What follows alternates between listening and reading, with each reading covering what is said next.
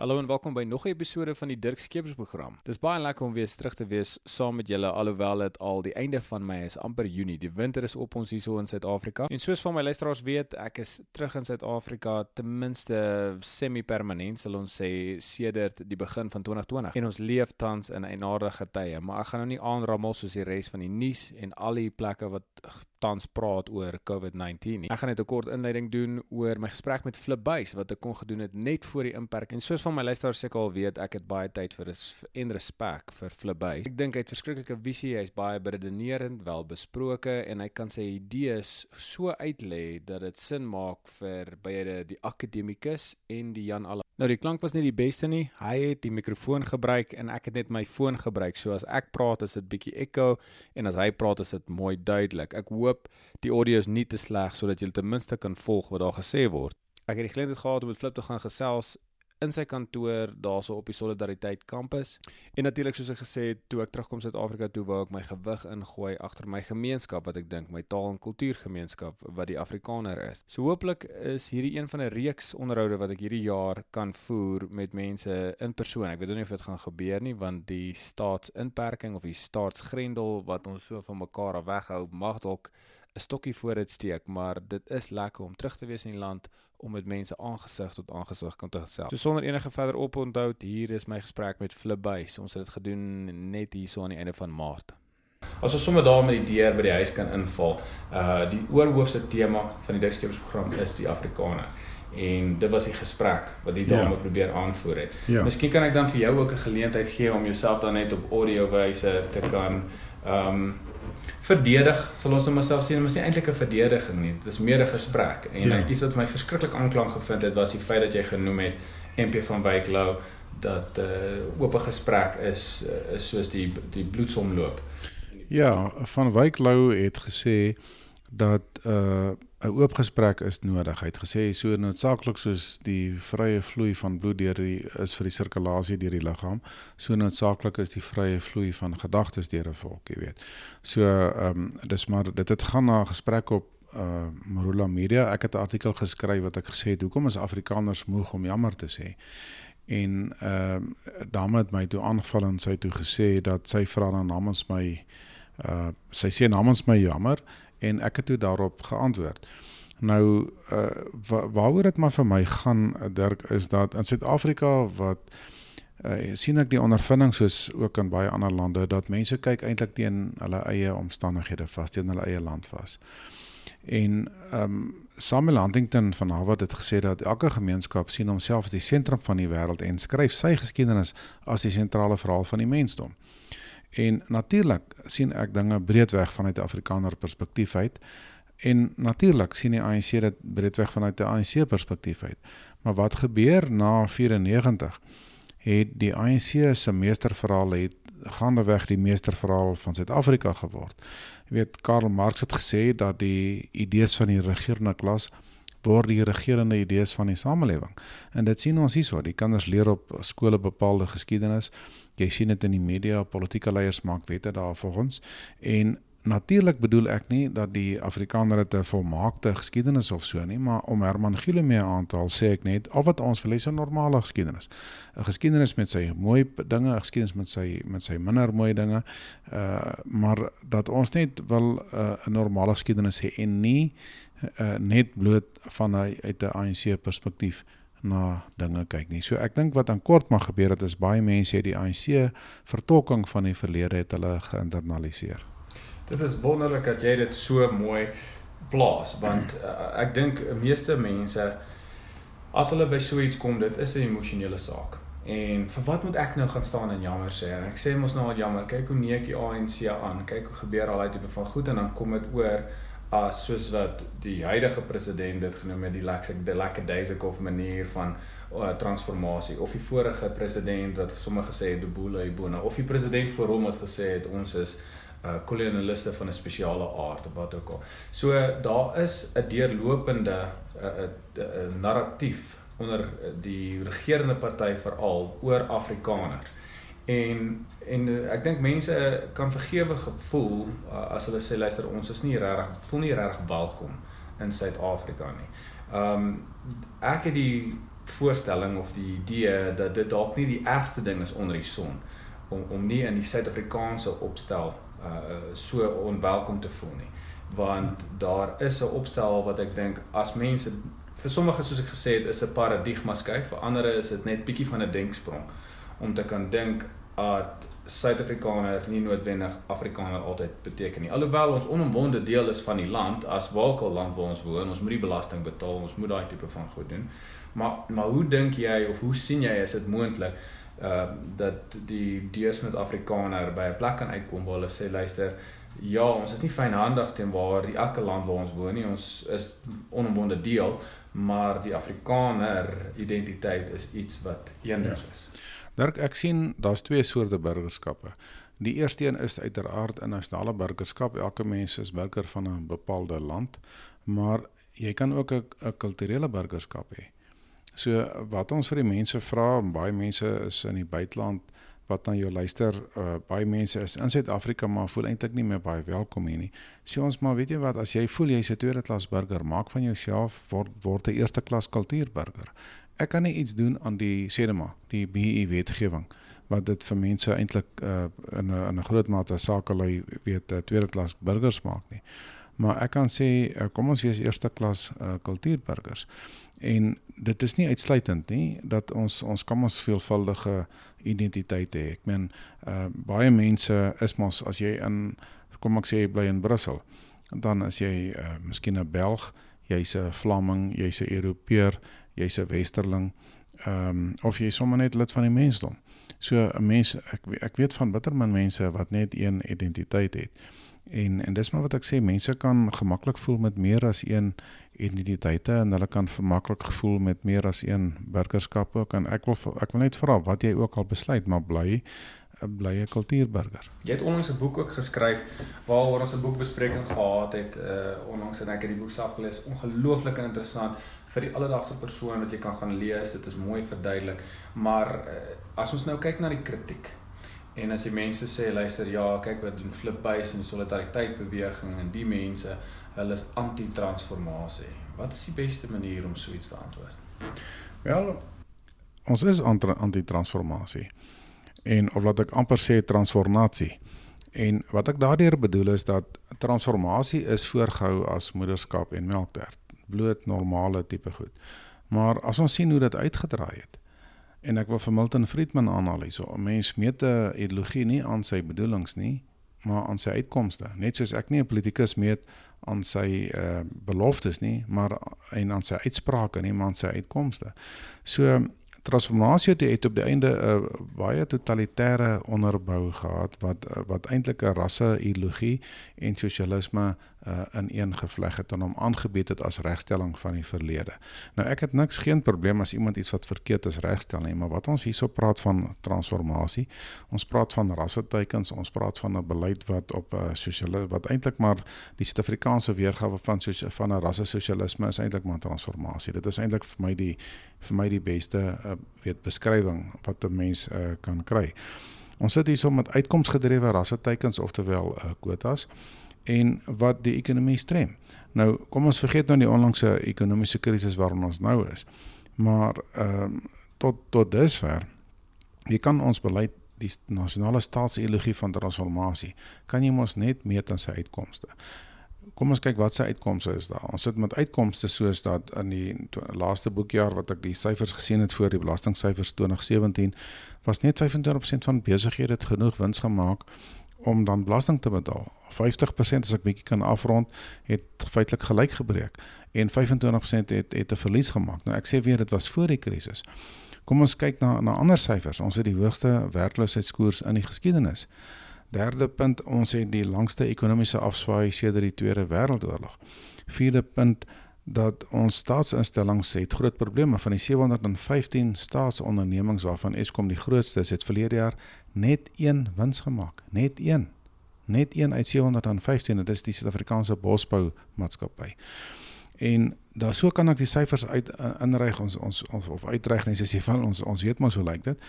So ek meer die beleid nie aan die pragtige uh, politieke praatjies wat daarom is nie, maar om die uitkomste.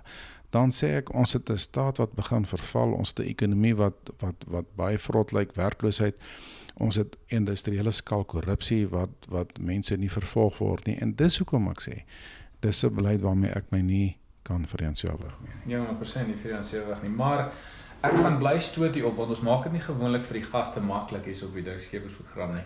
Uh die emosies wat daaraan gekoppel is. As ons nou terug gaan na emosies toe en dit is dalk iets wat nie so groot van toepassing wees nie want ek dink ek en jy is al toe uh, as ons sou sê mense wat gestel is op die realiteit en en daai tipe ja. goed, maar tog is emosie emosies 'n realiteit. Ek meen as ons praat van en ek eh, weet dis dalk julle julle verskille, maar as ek dalk die ander kant kan inbring, soos Bouwerbos, hy sê ja, restituisie, hy sê het drie bene. Ek weet nie waar kom hy dit nie, maar hy sê polities, ekonomies en emosioneel. Flipbase fokus meer op die eerste twee in sy stuk en dit is belangrik, maar nadat is almal so versteed oor die topik onderwerp en mense tog uh, dat niemand die emosionele een 'n kans wil gee nie. Nou waar ek weet dat emosies en sulke tipe goed. Nee, emosies is ook 'n werklikheid, maar ek sê mens moet altyd maak soos met emosie maak soos 'n oudheid se perdekar.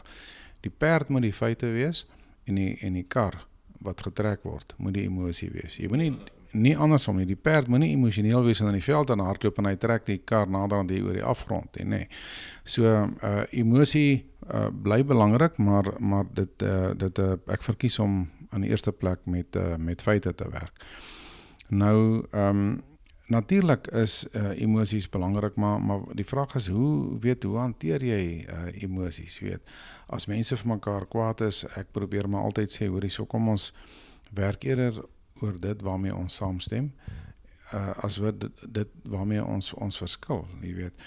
Uh ek dink emosionele volwassenheid in 'n land soos Suid-Afrika, eintlik wêreldwyd is uh is verskriklik belangrik. Maar ehm um, as mense heeltemal emosioneel met 'n saak omgaan, dan is dit vir my nogal 'n uitdaging omdat hulle ehm um, jy weet uh, te redeneer. Maar op 'n emosionele vlak, kom ons uh, miskien verwys hulle na na menseverhoudinge. Uh vir my ek is 'n Christen. Ek glo dat jy met jou naaste lief hê. Ek glo aan aan aan gesonde menseverhoudinge. Goeie maniere kos niks. En as jy met mense van 'n ander rassegroep byvoorbeeld uh werk, uh dink ek uh, is net soos met enige ander mens is dat doen moeite om vriendelik te wees. En ons het dit hierso gesien as ek die werksmag kan voorstel as 'n driehoek. Karl Marx het reg gesê dat al wat jy voor voete veg hy het nou uh, Marxus reg oor die wêreldraad gegee het gesê al wat jy hoef te doen veg vir stemreg. Want weens die samestelling van die werksmag is die werkersklas in die meerderheid en dan gaan jy deur vir demokrasie te vra gaan jy dan politieke mag vir die werkersklas kry en dan moet jy daai politieke mag gebruik om die ekonomiese mag te kom deur middel van sosialisme. Met ander woorde dan gebruik jy die mag van die staat om die uh ekonomie dan uh te vat. So dit is basies Marx se sogenaamde twee fase resep. Jou eerste fase, jou politieke uh bevryding sogenaamd, politieke revolusie en jou tweede en jou ekonomiese revolusie. Dit het ons hierso gesien. Die uh swart arbeidsmag het die vryheidsmag van swart mense dan geword. Nou so vir my is daar drie geleenthede wat dit kan verander. Die eerste een is inderdaad Suid-Afrika volgens die Wêreldekonomiese Forum met die swakste arbeidsverhoudinge van al die lande wat gemeet word, nommer 138 heel laaste. Die ehm um, tweede ding is nee, ekskuus, voorspruitend uit hierdie Wêreldekonomiese Forum uit daai statistiek uit het ons goedkoop onderdanige arbeid van die sedema 60s of 70s uiteindelik opstandige dierarbeid geword as jy kyk na die statistieke en wat alles in Suid-Afrika aangaan. So dis die eerste verandering. Die tweede verandering is natuurlik die inbring van ras as die sentrale faktor in uh, beleid van die ANC wat betref die toeken van werksgeleenthede in die staat in die privaat sektor uh, en so meer wat maak dat mense ongeag sy kwalifikasie nou met, met bo in die arbeidsmag kan kan inklim waar sy kwalifikasie om hom of haar eintlik dan moet plaas nie maar hy kan ook nie onderaan kom nie omdat affirmative action is uitdruklik net daar vir die posvlakke waar die aangewese groepe dis nou swart mense waar hulle onderverteenwoordig nie waar hulle oorverteenwoordig is nie en dis hoekom jong mense sukkel om in die, in die werksmag uh, in te kom. So dan die derde rede is uh tegnologie. Uh tegnologie min mense is lus om met 'n graafwelig in die son te werk wit of swart en as jy kyk hoe die tegnologie verander wat dit absoluut uh in plaas van handearbeid het jy nou masjienarbeid. So ek het ek het onlangs 'n masjien gesien waar jy uh mense wat hulle sê in 'n bepaalde gebied moes, moes hulle 'n groep uh, weet moes hulle bome plant en as jy met 'n met 'n graaf op met 'n pik en graaf op 'n ou manier bome plant dan kan jy omtrent 10 gate per dag graan het jy kliphard gewerk en daai masjien kan jy 500 gate een persoon met 'n trekker en 'n masjien wat wat baie bekostigbaar is kan jy 500 gate 'n dag uh dan graan daai bome plant so Dit is die omvang van van die so ek sê die oplossing is in die eerste plek as ek kan opsom is uh, die ehm um, weet die die uh, arbeid goedkoop arbeid wat wat duur geword het. Die tweede een is uh, uiteraard tegnologie en die derde een is hierdie rassewette. So ek dink net dit is belangrik dat ons nie die swart mense die gedagte moet gee dat van wieg tot graf word hulle deur hulle harde werk deur wit mense deur, deur word wit mense se werk deur swart mense gedoen nie. En dat ons werklik waar uh, die indruk skep dat apartheid word nog steeds voortgesit as jy na die arbeidsbedeling kyk nie. En dat ons regtig die hand aan eie boesem steek. Ja, dit is iets waarna ek baie aanklank vind ook. As ek kyk byvoorbeeld na die Oranje model en ek het nou die geleentheid gehad om daar te wees en uh dit maak vir my nogals baie sin om, om eie arbeid soos hulle dit nou noem te te te doen want ek ek, ek het hier aangekom te sê ek kyk nou watse area gaan ek bly baie van die areas het verander ek wil graag nader gewees het aan ehm um, aan uh, aan aan die kantoor. So ek het in Irene en wat ook al gekyk en uiteindelik vind ek toe 'n plek en die eerste ding wat gebeur het is o oh, ja, my buurvrou het my gesê luister ek het hierdie werker wat ook ekstra werk kan doen. Sy kan jou goed vir jou kom stryk en so voort. Nou vir 15 jaar in Amerika het ek die afgelope tyd my eie klere gewas en gestryk en eie eie goed gedoen. Dit is ongehoord hierso om dit te kan doen deur mense so hier. En ek weet dit is dalk oneffektief want wat kon ek gedoen het met daai tyd wat ek nou my eie was goed gelaat doen het of gedoen het kon dit laat doen en ek kon dalk die volgende uh uh Tolstoy geword het. Ek was hier nie heeltemal nie naby dit nie. My ja. skryf vermoë is aklig, maar ek kon ten minste as al gaan drink ek net 'n bier saam met 'n vriend, dan kon ek 'n persoonlike uh, verhoudinge gewerk het. Byvoorbeeld. Ehm um, maar dit is die ding en ek is ook in my besigheidsvermoë ek nie bang vir outsourcing soos hulle dit noem nie. Nou is daar wel in die straat al was hulle hulle doen dit vir 4 dollar 'n pond wat hulle vir jou jou jou jou jou skool jou wasgoed vir jou kan was. Ek het uiteindelik van dit begin gebruik maak. Uh maar dit was 'n klein besigheid wat opgestel as jy bring dit na die perseel toe en hulle doen dit vir jou daarso bietjie anders as wat iemand na jou huis toe kom sou ek sê. So toe sê ek vir die dame nee, ek sal glad nie, ek gaan nie gebruik maak van hierdie dame nie want ek was my eie goed en ek dink dat daar is nie so iets soos goedkoop waarheid nie. Maar ek kon net sowel vier koppe gehad het vir hierdie dame om te verduidelik want dit vir haar is no brainer. So ek dink dit net een dag 'n week om hierdie dame toe. Toe dink ek by myself, doen ek eintlik hierdie persoon in wat nou oorsig gekom het en in my plek ingekom het, my wasgoed vir my gewas het en goed. So dit is 'n ekstra inkomste wat hulle kon verdien het en as ek nou myself 'n kapitalis noem, dan moes ek nou gebruik gemaak het van hierdie arbeid want dit kom op hoë aanspraak van my buurvrou. So dit is 'n vraag wat ek dink baie mense mee sit. Ek meen ek kom hier in by die voordeur eh, of by julle julle boom hierso en daar is wel uh, swart wagte wat daarso is en hulle werk, hulle is deur die, die ek sou sê seker die instansie wat hulle aangestel het aangestel as bevoeg en hulle het hulle werk en so voort. So dis bietjie moeilik om dit uit te leef om hand in eie bodem boesem te Ja, kyk want, want ons sit hier so met uh met 'n bedeling wat oor baie jare ontstaan het in Suid-Afrika te begin by by Jan van Riebeeck wat hy werklik waar begin het om om um, ander mense se se arbeid te gebruik. Maar in wêreld in 'n wêreldkonteks is is dit totaal en al abnormaal. Ons beskou hierso Ons het al so gewoond geword aan abnormaal, ons dink dis normaal. Maar dit is abnormaal. Ek meen dis die Chinese was nie die Indiërs se wasgoed nie of die Indiërs was nie die Russe se wasgoed nie of die Russe nie die die Moslems nie. So dis dis net 'n normale arbeidspraktyk en as jy daardie abnormaliteit op een gebied het, dan trek daai abnormaliteit deur op ander gebiede ook op een of ander manier. Ons het nou net gepraat oor die rede te val, ons het nou net gepraat oor emosies. En dis uiteraard is dit tog tot 'n mate 'n emosionele aspek as iemand vra van ja. o oh, my ma was 'n garden boy of my pa was 'n garden boy and my mom was what that and that's why I'm a communist. Ja. So sy siege word aangetast as gevolg van hierdie emosionele. Hy dink ja. is 'n herhaling. Ja, so ek sou eerder sê mens kan eerder daai salaris wat jy daar sou betaal het bindien as jy dit uitkontrakteer dan gaan daar nog steeds iemand wees wat salaris kry maar uh dit, dit jy gaan nie meer daai tipe cappuccino bedeling in weet in jou huis hê en as jy 'n gesin het waar jou gesin eintlik gewoond raak dit is nou maar hierdie abnormaal is nou maar vir ons uh uh is nou maar vir ons normaal nie maar uh, ek dink die oplossing is eerder vir my om ehm um, as jy regtig mense wil help, dan help jy nie eintlik mense deur hulle soos wat uh, Marx gesê het 'n wage slave te maak nie.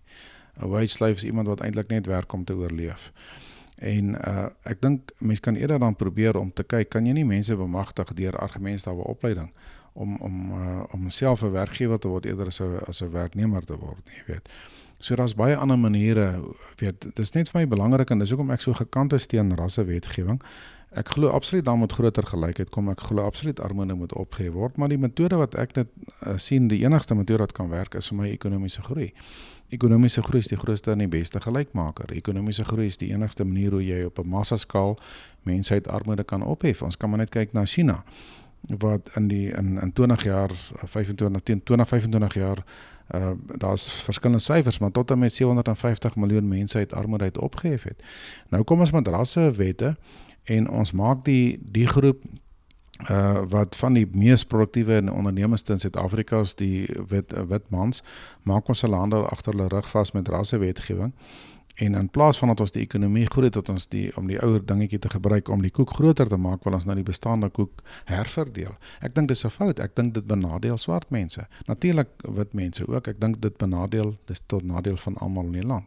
En daarom dink ek kom ons streef eerder na na normaliteit wat ons eerder op 'n breë spektrum die beste uh weet die die uh, mense eintlik vrylaat om dan hulle eie ekonomiese vermoë te gebruik net soos hulle wil.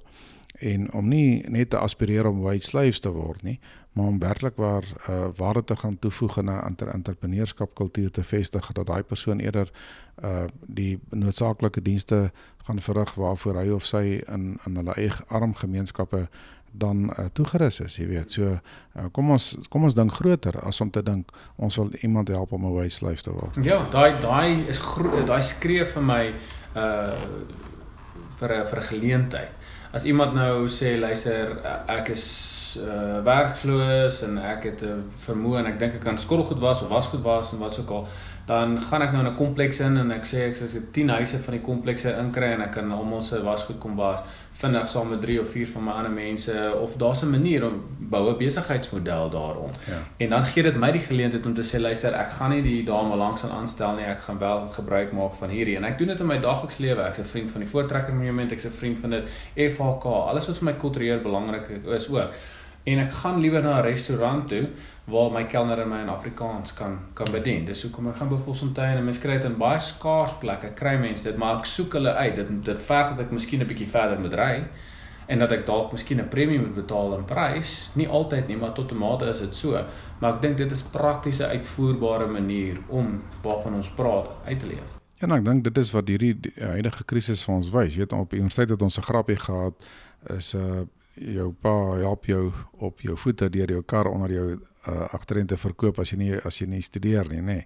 Nou wat ek sien met hierdie krisis is dat die mense verstaan nou dat 'n mens moet uh, nie jouself uh weet onnodig blootstel en ook nie ander mense bloot nie ander mense aansteek nie en baie mense wat ek ken het het vir hulle huishulpe gesê dat hulle hoef nie werk toe te kom nie, hulle sal nog steeds uh, betaal dat hulle ook vir hulle kinders kan kyk. Ons weet almal die die mense die kinders is vroeër voor die skoolvakansie uh, weet uh, huis toe gestuur.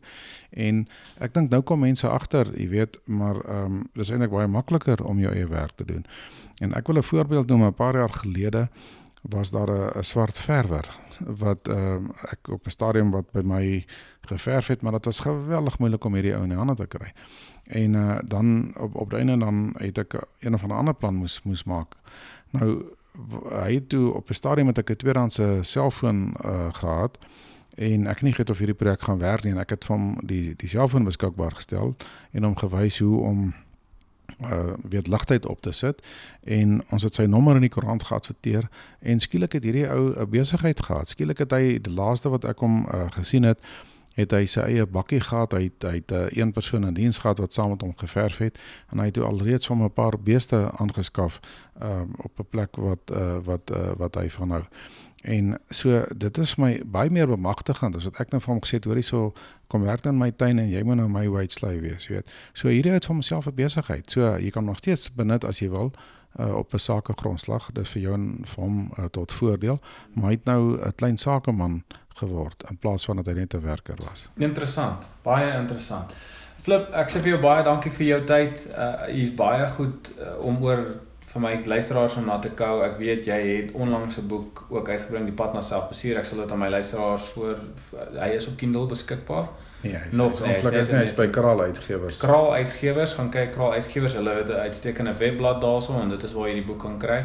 En uh en en my nota sê ook hierso dat jy saam met Paul Marits ook onlangs nog 'n boek uh, gehelp skryf Afrikaner 101 Ja, ja, ja, dis gemik op studente, 'n klomp vrae wat uh, Paulus die voorsteur van Solidariteit Jeug en hy het oortyd 'n klomp vrae gekry wat jong mense vra en hy het vir my die vrae opgestel soos wat hy dit nou uh, geformuleer het, baie knap geformuleer het en um, hy het gevra dat ek die vrae moet antwoord en ek het dit gedoen na die beste van my vermoë. Wonderlik, wonderlik. Gaan lees graag daai twee boeke by betrokke En uh skryf asseblief terug met julle klagtes, julle gedagtes. Ek is meestal doenig op Twitter. Mense kan vir Flip ook op Twitter vind @flipbuys.